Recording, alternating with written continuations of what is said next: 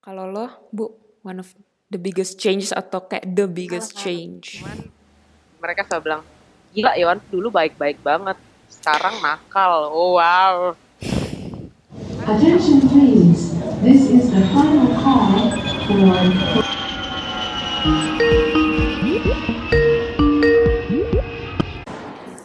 Hai Bu, Halo Nek. Ya. selamat sore dari Munchen. Selamat malam dari Bangkok. Shit. Gaya ya gue ya. Kita kembali lagi di LDR. LDR bareng Yon dan Debbie. Episode ke-10 nih Bu. Gaya nggak? Es- Episode terakhir nih di eh, sesi ini. Jadi jadi lo lagi ngapain sih Bu di Bangkok? Gue sih udah tahu, cuman kali ada yang kepo. Debbie sudah tahu. Iya banyak yang nggak tahu sih. Eh, jadi gue itu ke Bangkok sebenarnya guys bukan jalan-jalan, harus buat jalan-jalan doang. Tapi enggak gue eh, stay di sini buat dua minggu untuk em, exchange pertukaran mahasiswa. Jadi gue dapat kesempatan exchange bersama tiga teman lainnya di universitas namanya Chulalongkorn. Lo berarti ikut kelas-kelasnya mereka gitu ya Bu? Jadi ada lima kelas yang gue bisa ikutin karena cuma lima kelas itu yang diajarin pure bahasa Jerman. Oke. Mereka tuh lagi liburan juga, lagi kayak kelas apa sih kayak semester pendek No no no no. Ber- atau jadi mereka itu mereka itu mulai kelas eh, mulai semesternya tuh awal Agustus. hmm, Eh ini Agustus kan ya awal Agustus. Jadi minggu kedua Agustus. Kalau di Indo kan kalau gue kan mulainya awal September, akhir Agustus awal September kan. Mhm. Jadi mereka tuh gue masuk itu udah minggu kedua mereka dalam semester ini. Jadi lo ikut si lima kelas ini selama dua minggu. Jadi An- ada lima kel- ya ada lima kelas, gue bisa milih mau ke kelas yang mana aja. eh gue sih milih tiga sih. Beberapa teman ada yang kayak lim- limanya ngambil, gue kayaknya cuma ngambil tiga kelas. Gitu. Innovate me, innovate me, Dep, gitu sih. Sebelumnya ini kan Yon lagi di Bangkok nih, gara-gara masalah teknis si Yon makanya mungkin ada sedikit background noises karena dia di cafe. Suara gue juga Oh iya bener-bener. suara gue juga ini kayak eh, lebih menggema dari biasanya karena gue juga nggak di rumah karena gue juga harus kejar tayang eh Kita- jadi mohon maaf Kita tetap berdedikasi untuk, Yoi. untuk bikin episode terakhir ini ya. Dep. ya suara kita tetap jelas kok harusnya nah kita ngomongin apa nih bu ya. Kita bakal lebih ngomongin hidup pribadi kali Dep ya. Walaupun Banyak. Kemarin juga ngomongin hidup pribadi sih. ini kayak banyak ngelihat ke belakang kayaknya Betul, kita banyak throwback, hashtag throwback kalau kata anak ya Instagram. Yoi. Mungkin kayak Dep gue pengen tahu deh. Kita, kita kayak throwbacknya nggak usah lama-lama deh ya. dari dari kita lulus SMA sampai sekarang dari 2011 sampai 2018 deh. Apa gimana sih hidup lo? Kayak misalnya lo tinggal di mana? eh apakah misalnya berubah? Terus gimana dengan perkembangan finansial mungkin atau jumlah mantan lo berapa? Apakah udah berubah gitu kan? 2011 dibandingin sama sekarang ya 2011 tuh baru lulus SMA kan kita gue 2011 tinggal di Jakarta pas gue baru lulus SMA tapi setelah itu gue hitungannya ya bisa dibilang pindah dua kali lah abis lulus SMA gue ngekos di BSD bentar karena gue harus prep buat kuliah ke Jerman dan gue waktu itu milihnya di Indo di BSD. Habis itu gue pindah lagi baru beneran ke Jerman. Jadi 2011 gue Jakarta BSD kalau tinggal terus sekarang gue di Munchen di Jerman. Oke. Jumlah mantan gue waktu 2011 punya satu mantan waktu itu. Gue yang sekarang anjir kok gue nggak punya angkanya di kepala gue. Ntar kita ada perbedaan lagi nih bu. Mana yang dihitung mana yang enggak. Eh, iya itu gue gua gua nggak komentar deh. enggak enggak enggak. Gue. Gue bakalan. Oh, gue sekarang punya mantan itu jumlahnya empat. Termasuk yang satu yang kemarin. Oh iya, iya bener-bener. Iya ya, oke oke empat. Kalau empat berarti lo tahu kan itu termasuk. Iya. Iya. Gue tahu semuanya. Ya. Aduh. Finansial, finansial waktu itu gue ya bergantung sama orang tua sepenuhnya. Sekarang gue gue dapet beasiswa tapi mulanya emang dari 2012 sih. Tapi itu aja masih nombok duit dari orang tua dan gue kerja dikit-dikit juga freelance aja sih. Lebih lebih independen daripada waktu 2011. Iya. 2011. Jelas lah. Iya, iya. Itu sekilas beberapa aspek hidup gue kalau dibandingin. Lo gimana? Wih, nah kalau gue obviously kalau kalau dari 2011 sampai 2018 lulus SMA kan gue di Palembang. Terus Palembang langsung ke eh, salah, langsung ke Jerman. Jadi gue nggak singgah-singgah dulu karena gue bener-bener dari nol banget di Jerman dari bahasa, dari prep langsung kuliah. Tapi kan sejak 2016 gue di eh, pinggiran Jakarta. Itu itu masih pinggiran Jakarta, deket loh dari perbatasan. Eh, kalau iya sih, cuman kita kan, tapi tetap aja udah termasuk udah welcome to, mm, Iya, iya, iya. udah ada sign-nya gitu loh di depan gitu kan. Jadi lo sebelum dibully orang, Basically, sebelum dibully orang gue mengakui itu dulu. iya. di mana cari tahu aja sendiri gitu. Terus terus. Um, tapi ya gue tinggal basically di dua negara, di dua kota, ada between between this past six seven years. Terus apa ya? eh, kalau jumlah X ya. Jadi 2011 waktu gue ke Jerman mantan gue dua. Sekarang detik ini mantan gue, aduh, yang itu dihitung apa? Sama kan pertanyaannya. Yang terakhir ya. Eh, enggak enggak bukan bukan yang terakhir yang terakhir hitung lah Eh, lima lima lima lima ya people would say six I would say five gitu loh kayak kayak you know me better than me. Oke Em, dan kalau financially I'm still broke man. Ya dulu dibayarin orang tua sekarang masih bayar orang tua. No that I'm proud of it maksudnya gue cara ngomongin I'm proud dan segala macam. Cuman kayak ya gue jujuran aja I'm still broke as AF man. Iya tapi lo ada ini kan, ada ada penghasilan tambahan juga sejak dari akhir-akhir di Jerman terus sampai sekarang di di Indo kan. tapi kayak uh, by the time gue uh, pas di Jerman gue kerja dari dulu ya kerja awal gue ingat per- kerja pertama gue itu adalah di bakery Hmm. ya jual-jual roti dan segala macam lah gitu kan terus eh, di bakery selesai sempat jadi tukang pos tapi tukang posnya lebih yang kayak milah-milah surat ke kode posnya masing-masing dan ke stempel itu gitu loh terus akhirnya jadi bagian logistik gitu. Pas di Jerman. Yang logistik lebih lebih decent lah gitu. Kalau di belakang laptop eh, aktivasi di sana dan segala macam. Terus di sini ya gue kerja dan magang. Kalau libur gue magang kalau kerja sampingan gue ngajar. Jadi ya oke lah gitu. Loh untuk start, start kayak gini oke lah nih gitu. Ya itu sekelibat tentang gue deh sekelibat Eh, jadi kita nentuin ini juga kan. Kita udah nentuin sebenarnya kayak yang kita omongin aspek-aspeknya yang beda itu nggak cuma tadi tapi ada satu pertanyaan gede. Are you happy? oh uh, should I answer it or you answer it first Lo duluan deh. ini ini adalah gue bisa bilang waktu di mana gue paling bahagia selama tujuh tahun gue Wis, itu itu Dan- pernyataan yang sangat ya sejak sejak 2000 eh awal awal 2018 ini eh, bukan awal nih eh, bener-bener habis habis gue pas gue ulang tahun Mhm. itu mulai kayak I cannot be happier than this gitu loh maksudnya for the past seven years ya Mhm. Jadi lo lagi ada di satu posisi di mana lo kayak lumayan puas sama hidup lo sekarang dan dari segala macem aspek lo bisa nerima. gue bukan puas sih tepatnya gue bersyukur. Gue ini bukan Yohana being sok sok bijak dan segala macam tai tainya itu kan. Tapi beneran gue eh, bukan puas tapi lebih ke bersyukur and, dan menerima gitu loh. Anjay. Anjir gue tuh pengen nanya lebih lanjut ke situ tapi kayak itu makin ini dari tema kita nggak apa-apa deh. Pas ngomong kayak gitu lo tadi sebenarnya sempet ngomong satu titik gitu kayak ulang tahun lo. Tapi menurut lo itu kayak proses gitu sampai lo bisa ke tempat yang sekarang lo lebih bersyukur dan lebih nerima atau itu kayak bener-bener lo ada satu waktu yang pas ulang tahun lo itu lo semacam apa ya kayak semacam epiphany gitu tiba-tiba kayak tek kayak Yohan kayak gitu Jadi lebih yang kedua sih, Dep. Mm-mm.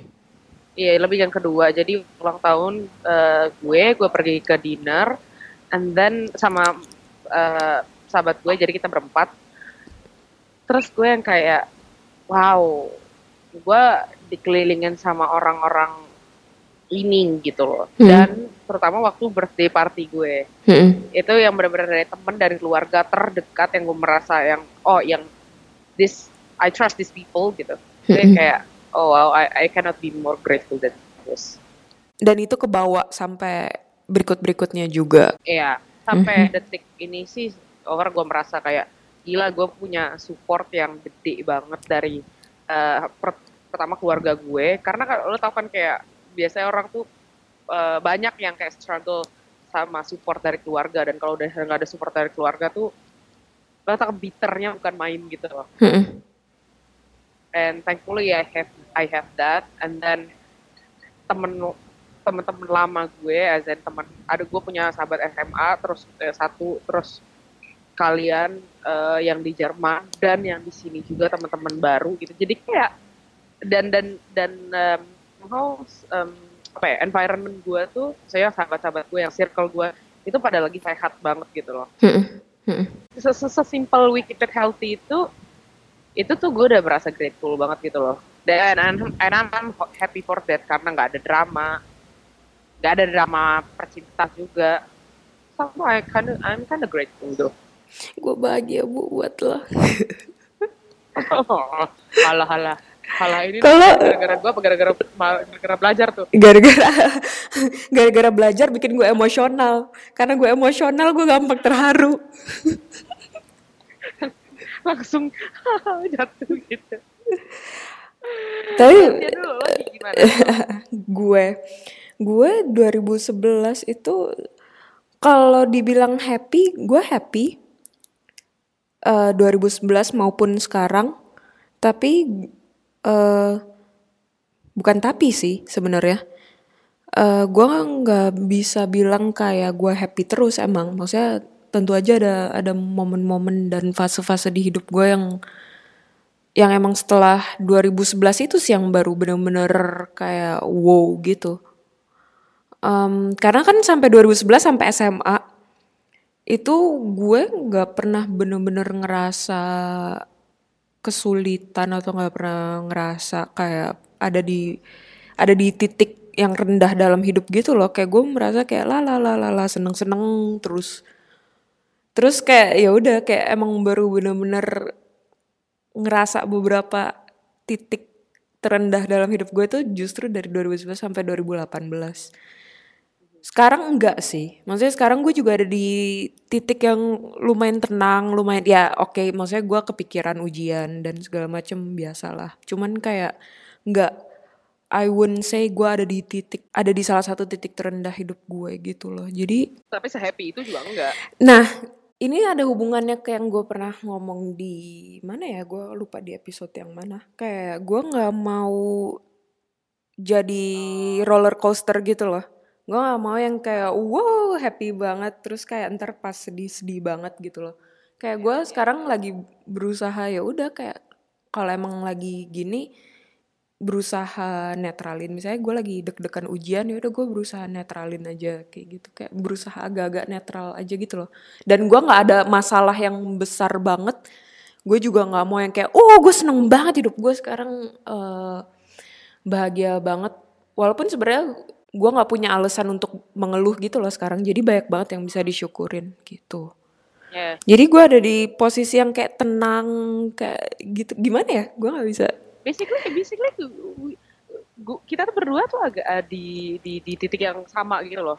Kalau gue tenangnya karena karena lagi nggak ada drama, drama as in misalnya drama uji, bukan cuma drama atau namanya percintaan lah atau persahabatan, maksudnya relationship with the people, bukan ya teman-teman ya. Tapi kayak misalnya drama kuliah lah, drama eh, apa namanya uang dan segala macam. Basically kayak live drama lagi nggak ada, jadi kayak kayak oh ya udah flat bukan flat juga kayak ya udah tenang-tenang aja gitu. ya nggak sih Iya. kayak iya iya memang uji, eh, kuliah lagi lagi ribet ujian dan segala macam cuman kayak ya yeah, that's the main task of a student gitu. Mm, mm, mm. so usual life drama Yes. which which makes me grateful makanya sebenarnya Yes. Deb Deb gue mau tahu dong nek um, tell me one or maximum two big changes uh, between the past seven years yeah One of the biggest changes itu kayak lo, gue nggak tahu sadar atau nggak sadar, paling ngeliat sih.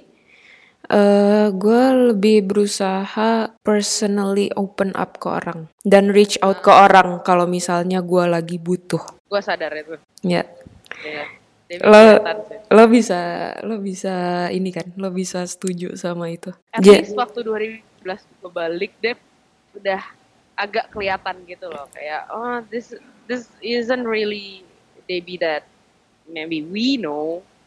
Yang kita pikir kita tahu Debbie itu kayak gitu tapi kayak tapi lebih bahkan tadinya kayak ya kan yang lo kayak cuma benar-benar dikit-dikit tapi kayak mulai expand Iya, karena gue tuh dulu saking gak apa ya, gue juga nggak tahu apa apakah dalam diri gue ada rasa distrust sama orang lain atau gue nggak tahu. Sebenarnya gue nggak sadar gitu apa yang membuat gue sangat-sangat sedikit membagi diri gue ke orang lain. Se- bukan berarti maksudnya misalnya gue punya sahabat nih dulu waktu zaman sekolah, tapi gue ngerasa eh gue deng mereka curhat, gue dengerin mereka curhat, tapi gue jarang curhat ke mereka. Terus Ah, itu oke. itu yang one way gitu iya, tapi bukan salah mereka karena gue aja nggak nggak reach out gitu kalau lagi ada masalah. Terus padahal misalnya gue ada orang-orang yang deket kan, apalagi situasinya sekolah gitu kan. Dan sekolah gue SMA gue eh temenan sekelasnya tuh deket banget. Tapi kayak dengan support system yang kayak gitu pun misalnya gue lagi kenapa-napa gue jarang curhat ke orang gitu loh. Terus itu contoh yang rada ininya, rada beratnya. Kalau rada simpelnya aja, gue tuh dulu nggak seneng nge-share hidup gue di internet. Ah, oke oke Jadi itu itu kayak dalam spektrum yang sama gitu loh. you are a true millennial Bukan, bukan masalah milenial, masalahnya gue I'm a true introvert. Jadi gue gua nggak tahu itu datang dari mana, tapi gue mulai pas tahun 2012-an gitu, gue mulai kayak made a conscious effort buat kayak gue tuh nggak bisa kalau misalnya gue lagi sedih atau gue lagi apa nggak gue ceritain ke orang gitu. Terus kayak gue butuh juga dan kayak eh kalau gue reach out orang pasti mau denger juga. Gue tuh harus ngomong kayak gitu loh ke diri gue sendiri dan gue sampai memutuskan ini masalah sesimpel social media itu itu gue jadiin contoh karena itu juga jadi salah satu effort yang conscious gitu. Gue sampai ngomong kayak oke kayak eh, social media mungkin bisa tempat gue latihan ngebagi sedikit kehidupan gue gitu loh. Jadi gue tuh dengan sadar berusaha ngepost lebih banyak di social media karena buat gue itu sedikit latihan buat lebih nge-share diri gue ke orang lain dan gue sekarang ini makin apa ya makin makin bisa tau lah kalau gue udah bener-bener perlu reach out ke orang dan gue udah itu kayak udah jauh lebih gampang daripada dulu gitu loh. That's one of the Thankfully lo- biggest dan lo or- changes. bukan orang yang overshare di sosial media. Justru uh, bagian ekstrim satunya tadinya nggak pernah mau share. Lo kayak nggak pernah gitu kan. Ya, temen lo yang satu ini yang lagi ngomong selalu merasa overshare man social media. Nggak apa-apa bu. Kan banyak ininya juga banyak yang tertarik juga melihat kehidupan lo. kalau lo bu one of the biggest changes atau kayak the biggest change? Sebenarnya the biggest change or changes eh itu sebenarnya gue agak susah sih. Gue, gue bingung sih. Gue mau paling gue lebih ke well being gue sih anjay enggak jadi kalau meng- mengutip omongan orang-orang yang kenal gue dulu dan sekarang eh gue nggak pernah sebut lah ya orang-orang yang gimana. Cuman mereka selalu bilang gila Iwan dulu baik-baik banget. Sekarang nakal. Oh wow. Nakal aku kak. Nakal apa? Gimana? Definisi nakal ya menurut gue itu juga sebenarnya lumayan biggest changes. Cuman lebih ke gue ngelihatnya lebih ke gambaran besarnya sih bukan yang jadi jadi jadi apa namanya dari baik-baik jadi nakal tapi kayak I'm more open minded oke okay. gue lebih bisa beradaptasi gitu loh open minded dan dulu maksudnya oke okay lah mungkin uh, take an extreme case gue dulu benci banget sama asap rokok hmm. sekarang gue ngerokok hmm. gitu loh dulu gue kayak uh, apa ngelihat orang yang misalnya tatuan minum dan segala macam tuh kayak eh apa sih? Tau gak anak-anak SMA yang gitu banget gitu loh yang bener-bener kayak pakai kacamata kuda dan kayak oh you are bad. Bener-bener kayak typical Asian kid gitu loh. Asian kid raised in Asia gitu yang iya. Tapi kayak sekarang gue lebih maksudnya well being lebih ke oh gue lebih open minded uh, eh, gue bisa melihat bigger picture gue melihat sesuatu itu nggak cuma di from the cover but also from the inside of the book gitu loh mm-hmm. apa behind story-nya dan segala macam makanya gue bilang gue lebih ke well being sih biggest changes-nya jadi benar-benar karena itu benar-benar semuanya mm. merubah semuanya basically dalam hidup gue gitu loh kan lo nyebut kata kuncinya well-being bu. Jadi kalau lo suruh bandingin well-being lo dibanding dulu lebih baik gitu. Oh. Menurut gue iya dan dulu gue super shallow. Mm.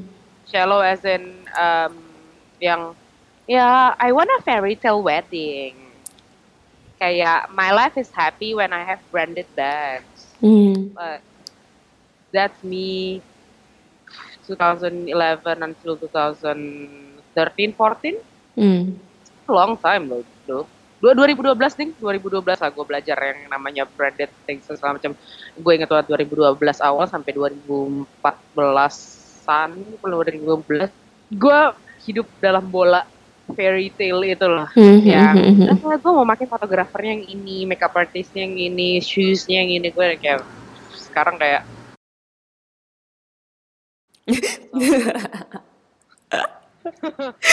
well, I have my dream, my my dream apa dream wedding, but not that gitu loh. Mm -hmm.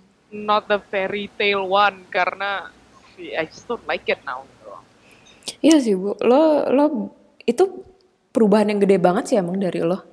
Uh, dari pertama gue kenal Yowan, dibandingin sama sekarang itu lumayan ekstrim sih emang Yon berubahnya ya? di kayak gitu terus kalau misalnya tadi Yon bilang nakal kayak nakal tanda kutip ya udah maksudnya nakalnya orang definisinya juga beda-beda ya tapi ini kayak ya yeah.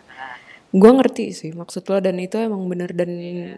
kalau gue gue nggak tahu kalau orang-orang kan ngelihatnya kayak gitu kan uh, di satu sisi kayak seakan-akan tambah buruk. Soalnya nakal kan konotasinya negatif. Kalau gue sih senang-senang aja lo berubah ke arah yang sekarang. Ini cuma dua orang. Karena makin karena makin cocok. karena sama-sama aja. Karena nambah partner in crime. iya, akhirnya ada yang sama. Gue eh, tunggu tunggu, gue terserah ini lo masukin apa enggak.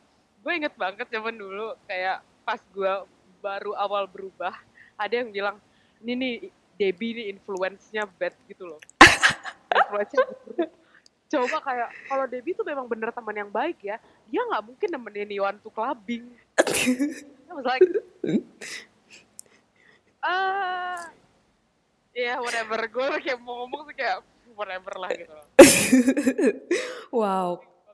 Clubbing tuh buruk banget ya parah parah sih. parah parah? Iya agen kata dia tadi bi tadi nakal spektrumnya orang nakal itu kan beda beda kayak whatever it is.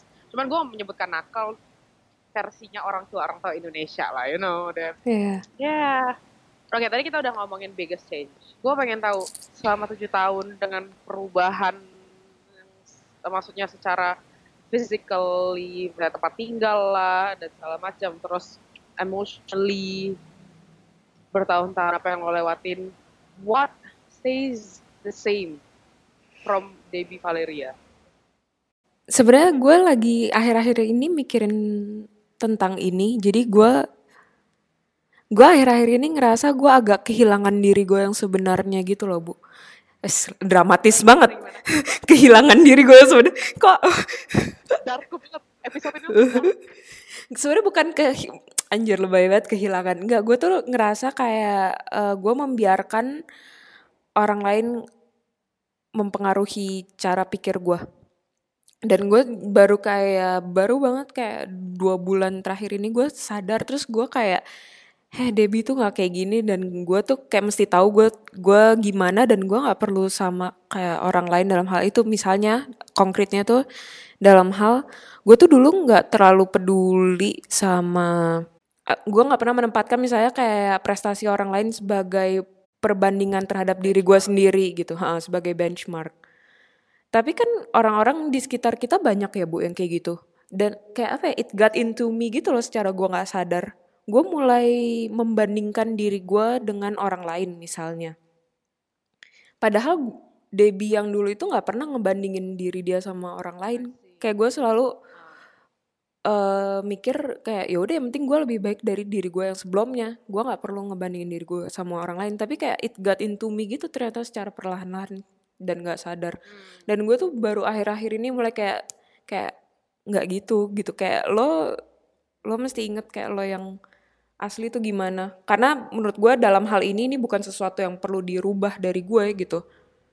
Yang ada itu lebih banyak menimbulkan negatifnya buat gue kalau misalnya gue mulai uh, membandingkan diri gue sama orang lain. Mungkin ada orang lain yang termotivasi dengan itu kalau gue enggak gitu. Yang kayak gitu-gitu sih. Terus ada orang-orang yang kayak sangat me mendefinisikan achievement mereka dengan hal-hal misalnya kayak hal-hal yang apa ya objek misalnya angka gitu. Misalnya kayak apa kayak segampang misalnya kayak berapa duit lo atau kayak berapa followers lo kayak gitulah. Dan gue tuh dulu nggak peduli sama sekali sama itu itu pelan-pelan ternyata gue sadar mulai masuk pikiran gue gitu dan gue kayak lo nggak bisa kayak gini kayak lo mesti balik lagi kalau yang dulu gitu. Jadi itu apa ya stays the same lebih tepatnya gue berusaha itu hal-hal yang berusaha gue stay the same gitu. Oke oke. Okay. kemarin sempat fluctuating gitu ya? Kemarin sempat fluctuating dan gue nggak suka. Nggak apa-apa. Selalu ada fasenya aja ini gue tuh nggak bisa bijak guys intinya ada jelas sama diri gue yang bijak Yohan, Yohan, lo apa bu yang what stayed the same over the years? Um, I am still financially broke. Oke, ya sampai batuk gue. Gak gak. Um, ya well, that's actually true though. Not not a joke. Tapi kayak uh, hmm, kalau hal lain mungkin besides that wah ini terdengar bakal terdengar narsis banget sih. Gue tetap orang yang punya hati yang baik. Yes. Gimana gimana gimana? Uh, gimana gimana gimana? coba di, ditekankan sekali lagi. Gue tetap orang yang punya hati baik Resapi dulu guys. Anjay. Anjay gak guys? Gak, gue gue gue inget satu orang pernah bilang kayak gini. Waktu transisi, yang jelas itu transisi gue yang kata orang dari baik banget, baik banget lagi, baik-baik jadi nakal tuh 2015 akhir 2016 ya DP. Mm -mm. Ya 2015 akhir sampai 2016 uh, tengah gitu. Tapi si orang ini bilang sama gue, um, or orangnya tuh kayak hampir gak pernah puji gue intinya. Tapi dia bilang, um, now I can see that you are a really kind-hearted person. Asik. Gue yang kayak, gue di titik itu, waktu bisa itu dia ngomong, gue kayak, nyat lo ngapain sih sok-sok bitter? Gue sama, ada di fase juga, di fase yang kayak sok bitter, sok nakal, sok apa, maksudnya kayak, jadi trying to be bad gitu loh. Mm-hmm. lihat kan gue pun merasa kayaknya gue kayak trying ya malahan jadi bad gitu gara-gara orang ngomongin gue. Now a bad girl kayak katanya Okarin kan. Terus kayak waktu orang itu bilang kayak you are actually and a really kind a kind heart person gue yang kayak yeah ya yeah, I am actually gitu loh ternyata gitu. Dan itu ya udah kenapa gue harus jadi sok-sok jahat bitter? Dan apa ya? Ya bitter basically. Kalau memang gue sebenarnya baik dan ya, mungkin bilang pure hearted gitu terlalu drag tapi kayak ya pure hearted gitu loh. Kayak kenapa? Kind hearted di sini maksudnya dalam artian kayak hubungan lo dengan sesama orang lain kayak gini gini ya, em, aduh jadi jadi gini Jadi eh gue nanya kayak gini, jadi gue nanya kayak gini bukan berarti gue nggak setuju Yon kind hearted ya, cuma gue pengen tahu aja nih konteksnya orang ini ngomong. Iya ya, kayaknya yang gue juga nggak sebenarnya nggak tahu gue nggak nanya orangnya. Cuman yang gue dapat adalah gitu. Waktu orang itu melihat relasi gue dan teman-teman gue, dia tahu memang ke beberapa bukan ke beberapa sih, ke tepatnya walaupun orang si teman-teman yang ini udah jangan kejahatin gue saat itu, Hmm. gue tetap baik sama mereka, gue tetap purely baik gitu, Mhm. bukan yang baik di depan doang. Gue bener-bener ya udah genuine aja gitu. Hmm, hmm, hmm. dan em, toleransi gue sama orang tuh sebenarnya kayak memang lumayan cukup tinggi Oke. gitu loh Oke. dan sampai sampai sampai gue tuh pernah kayak tingkat yang kayak bukan tapi gue nggak bisa dibego-begoin juga ya cuman maksudnya y- ya udah genuine aja gitu loh Hmm, hmm, hmm. nah dan menurut orang itu kayak gak ada orang yang genuine gitu. Iya apalagi sih. sekitar orang itu Mungkin toler iya sih, mungkin toleransi gue dibanding lo juga lebih rendah. Mungkin banyak orang lebih rendah toleransinya kalau konteksnya itu ya. Emang Yon Iya, gue tuh Yon tuh kind hearted kok. kayak Suka ngasih bukan kue. juga yang kayak Dep, ketok-ketok tiba-tiba out of nowhere si kue. nah, yang kayak gitu-gitu kayak misalnya orang ngelihatnya mungkin kayak oh dia oportunis gitu. Oh dia ngasih untuk em, minta bantuan di kemudian hari gitu. Gue kayak Ada yang ya, ngomong gitu. ngasih- Ada. Saya ada yang ngira kayak gitu gitu. Gue kayak gue tuh kadang-kadang tuh bener-bener yang polos yang ya gue cuma mau ngasih aja emang kenapa apa yang salah dari ngasih doang ya gitu ya I think that stays Yes, yes. for me Itu ya. Gue gue setuju sih sama itu. Lo kind hearted yang konteks itu iya and more. Contohnya itu, ngasih kue. Terus masih banyak yang lainnya. yang kayak nanti dua jam guys ngomongin kebaikan gue doang Oh. Gila, ria, ria, tiba-tiba ngomong, udah ngomong baik terus ria Gila. Em, kalau sekarang gue nanya bu ke lo. Jadi yang lo pelajarin, Hmm. pelajaran-pelajaran hidup beberapa deh kalau nggak banyak atau terserah lo kalau mau banyak yang udah lo dapet berapa tahun terakhir ini. Em, sebenarnya kan banyak banget ya. Cuman kayaknya yang gue lately pas terutama pas lagi di Bangkok ini gue mikirin adalah a- ada satu sih yang gue pelajarin dan ini bakal jadi moto hidup gue mungkin ke depan stay ambitious. Mhm.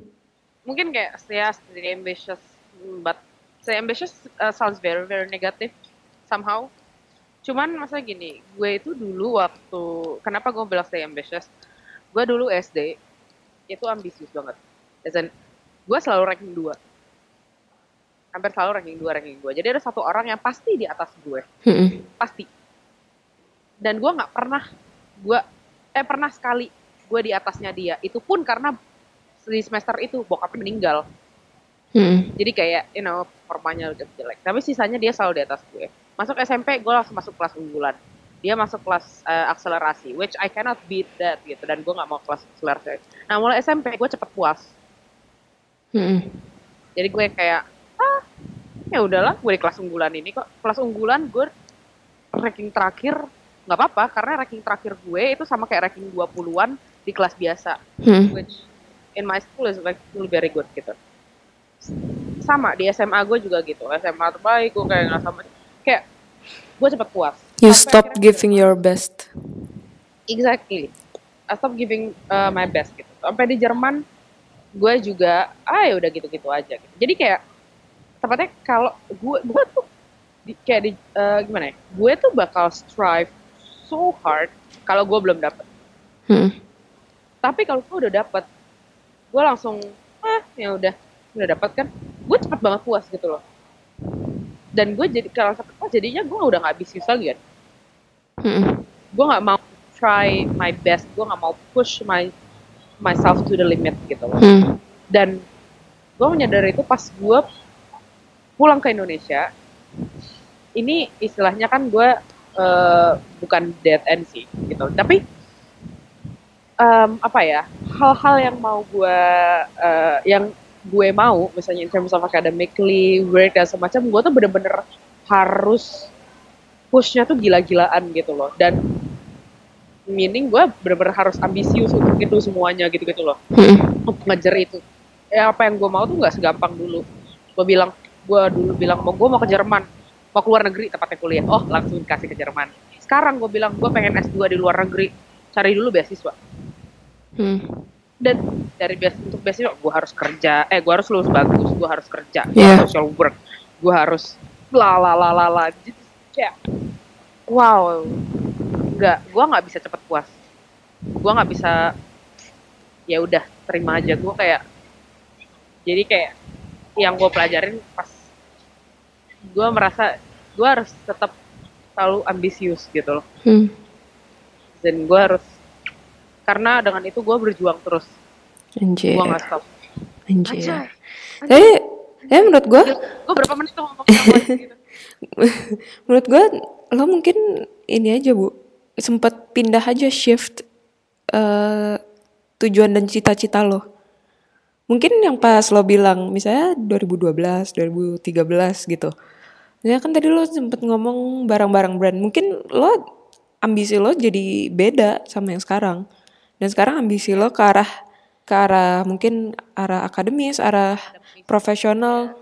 professional life ya Iya, tapi sebenarnya kalau kalau yang bilang barang-barang branded itu gue tetap cinta barang-barang branded gitu. Cuman gue nggak ada duit kan, Nah, jadi gue tetap harus ambisius untuk bekerja. Nah, waktu itu lo kerja, eh, waktu itu lo kerja buat beli tas gitu. Jadi maksud gue kayak, emang lo kalau kalau lo pengen lo kerjain kan, terus habis itu lo dapetin gitu. Parah. Cuma waktu itu mungkin eh, arahnya beda sama yang sekarang. Dan sekarang lo balik ke arah yang mungkin lebih lebih mirip sama lo waktu SD. Iya, iya. Dan Gue harus kayak terus. Wah gila, gue berasa ambis banget sebenarnya selama dua tahun ini. Satu tepatnya satu setengah tahun. Sampai bisa ke Bangkok kayak gini, kayak anjing ambis banget hidup gue nggak apa-apa. gitu. Dan kalau boleh ngomong kayak ya udah daripada ya terserah orang sih interestnya dalam hidup kayak gimana. Tapi gue sih lebih suka ambisi yang kayak gitu. Gitu. Iya, udah lewat ambisi-ambisi yang lain. Kok kok jadi kok jadi ngenes gitu. udah lewat ambisi yang lain. Jadi gimana ya? Oke oke oke. Gimana gimana? What have you learned, Debbie? For the past seven years. Or 25. I've learned to Sumpah gue nggak tahu sih bu mau ngomong apa. Kayak sebenarnya banyak tapi kayak udah terlalu. Gue mungkin nggak nyebut satu yang besar kayak Yowan. Tapi mungkin beberapa hal yang nggak akan gue jelasin panjang lebar. Misalnya I've learned to use my time well. Sekarang gue masih belum sesempurna itu tapi kayak gue mulai ngurangin misalnya kayak dulu gue mindless banget pakai internet kayak gitu. Terus kayak gue mulai milih kayak input yang gue lihat itu apa.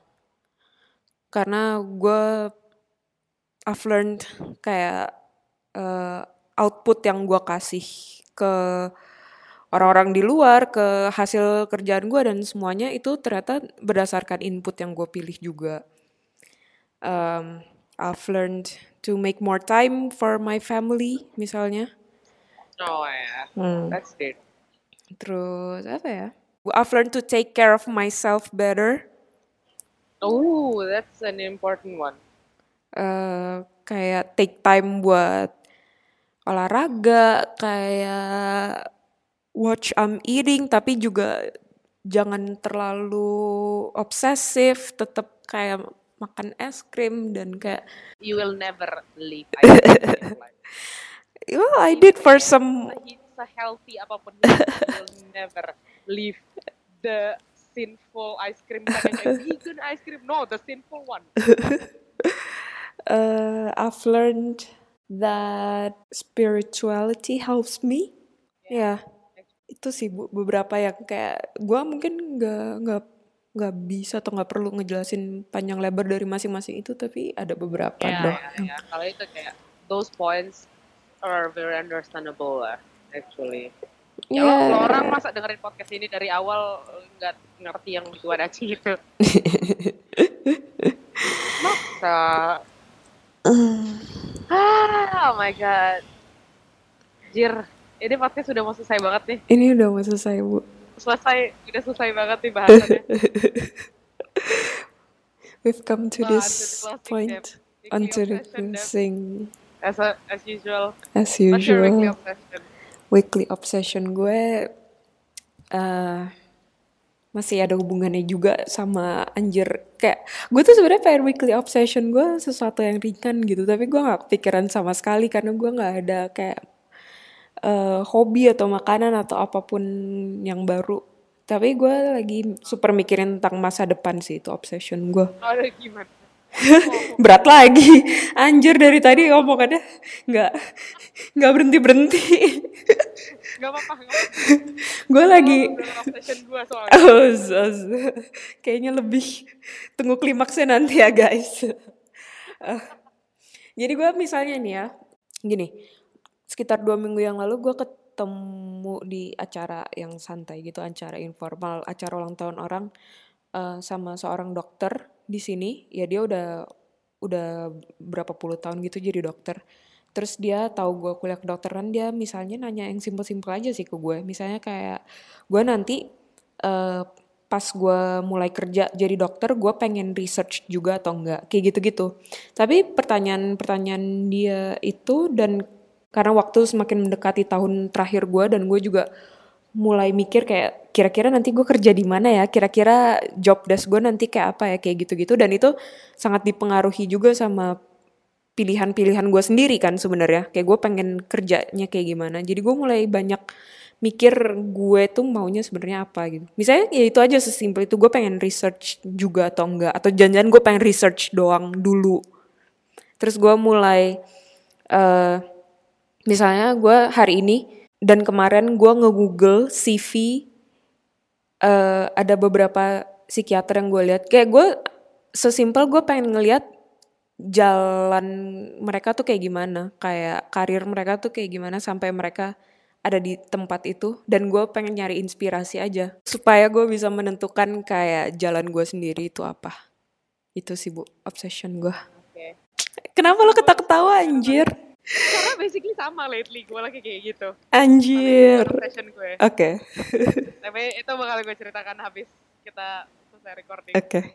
Obsession lo apa nih bu? Obsession gue, mungkin orang-orang bakal kira dan Debbie pasti bakal kira, ah lo obsessionnya pasti mau Bangkok gitu. Iya.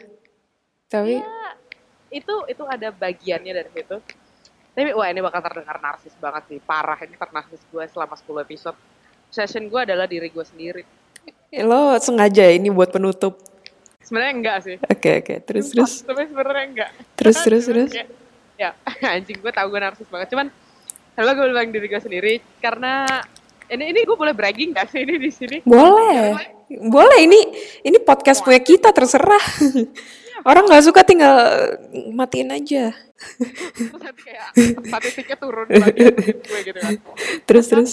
Ya, anyway, kenapa gue bilang gue obses sama diri gue? karena um, honestly gue dari dari dari lebaran ya dari lebaran sampai sekarang itu gue nggak nggak ada stop. Jadi habis lebaran eh, tempatnya habis gue ujian ujian tuh akhir Mei. Kira uji Mei habis itu gue magang ya libur lebaran kan. Habis libur lebaran gue magang lagi balik magang balik kantor sampai minggu kedua Agustus habis itu bes 17 Agustus terus gue berangkat ke Bangkok nanti gue pulang libur cuma sehari karena itu hari Minggu. Masuk Dan kuliah. tanggal tiganya masuk kuliah. Jadi kayak gue tuh nggak stop. Terus di Bangkok gue iya gue kuliah jelas ya. Tapi gue jelas nggak nggak munafik ya. Gue jalan-jalan lah gitu loh. Hmm. Dan gue ada satu hari yang gue kenapa gue bilang diri gue bangga sama diri sendiri. Tapi karena gue ada satu hari yang gue jalan kaki sampai 16 kilo. Hmm. I never did that in my life. De- maksudnya dengan eh, dengan apa ya fully conscious dan memang gue mau jalan aja. Hmm. Apalagi sejak gue tinggal di Indonesia yang tahu namanya Grab, Gojek, dan maksudnya this online transportation dan eh udahlah taksi aja dan sebenarnya no, I I chose to walk gitu. Hmm. and all these things yang gue di Bangkok dan segala macam is just ah, gimana ya beyond my expectation Hmm. and some somehow kadang-kadang tuh gue kalau jalan tuh oh, gila overwhelming sendiri kayak gila Iwan lo bisa dapet kayak gini kayak wah gila sih lo gue tuh kayak ngomong sama seseorang memuji seseorang yang tau gak sih yang kayak itu tuh orang lain gitu loh Self esteem lo lagi tinggi banget. Tapi nggak self esteem gue tinggi juga. Jadi lebih kayak eh, apa ya kalau tinggi tinggi takutnya kayak lo jadi sombong gitu loh. Bisa jadi sombong. Percaya saking per- percaya dirinya lo jadi sombong. Nggak gue nggak sepercaya diri itu juga. Cuman gue sebangga itu aja sama Hmm. oh ternyata limit gue tuh bisa kok. Go to lim eh, go beyond my limit gitu loh. Hmm. Yang gue kayak hah gue males. Gue nggak mau jalan kaki gitu kan pesan Uber aja gitu. Kayak enggak gue jalan kaki 15 Hmm. kilometer. Kayak fuck it gue jalan gitu. I don't wanna spend my money kayak jalan. That's why gue bilang big love session gue itu gue. Dan Yes. that's why gue bilang kenapa itu nggak ringan. No, ya. Sebenarnya eh gue pernah eh ngelihat kata-kata semacam kayak kita tuh sering kali kurang baik ke diri kita sendiri gitu kan. Kayak kayak misalnya ada temen lagi kesusahan, ada apa lagi, kita tuh gampang gitu ngasih kata-kata yang motivasiin gini kayak enggak lo tuh baik, lo tuh gini, lo tuh gitu, udah ini aja. Tapi kita kurang kayak gitu ke diri sendiri. Dan untuk bisa kayak gitu ke diri sendiri emang enggak Bohong gitu kan Mm, iya tapi padahal kayak itu perlu gitu loh kayak lo perlu terobsesi sama diri lo sendiri kayak Yohan minimal naikin self esteem lo dikit gitu. Oh, Oh my god. God. I, I I really cannot believe we we just did this project. wah 10 episode bu 10 at episode. Ini dedikasi loh deh buat kita berdua deh. lumayan kita sibuk, gue yang lo juga sibuk kita kayak awal nentuin 10 episode terus kita bener-bener ngelakuin sampai akhir Iya. anjir pindah-pindah ke mana-mana. Wah gila sih, gila sih. So Iya. proud. So proud ya nggak bisa nggak bisa idealis sih hasilnya dan kita juga ya seperti kesepakatan di awal kita learning by doing ya kan Exactly, exactly. Mungkin gak kayak orang-orang lain juga guys yang bikin podcast. Oh langsung di Apple, di Spotify, eh, dan segala macam segala macam gitu. Ya honestly itu butuh uang dan kita kan broke. Eh, Iya, gitu iya. ya guys ya. kita main dengan keterbatasan kita tapi kayak tetap aja kayak ada yang dengerin ada yang kasih support. Maksudnya kayak ngomong gila gue suka banget episode yang ini gila kayak menurut gue. Kalau cerita gue gini, itu gue sama Debbie seneng banget kalau udah dengerin uh, feedback yang kayak gitu dari kalian. Mudah-mudahan oh iya bener. Mudah-mudahan ngegerakin kalian-kalian yang kepengen bikin podcast juga kayak hajar aja. Yang terserah sih kalau kalian pengen ya sebenarnya di YouTube atau di Skillshare atau gitu-gitu juga banyak tutorial. Atau kalian kayak mau hajar aja. Exactly. tapi kayak this is it kayak ada satu medium lagi buat kalian berkarya dan berekspresi. Betul betul betul. Ya kalau kalau gue sama Debbie memang tujuannya kita mau ngomong ngoceh aja bodo amat Yoi. gitu kan. Kalau orang kan kayak kalau mau terkenal ya udah silakan cari your way gitu loh Mm-mm. to get there.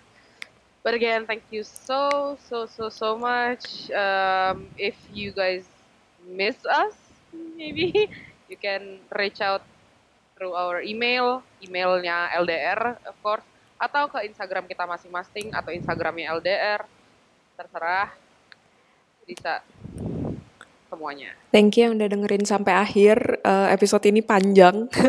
Eh, Thank you yang udah dengerin juga episode-episode sebelumnya yang mana pun. Ya, gue Yola. Gue Debbie. We, We sign sign out. Take care. Bye-bye. Bye.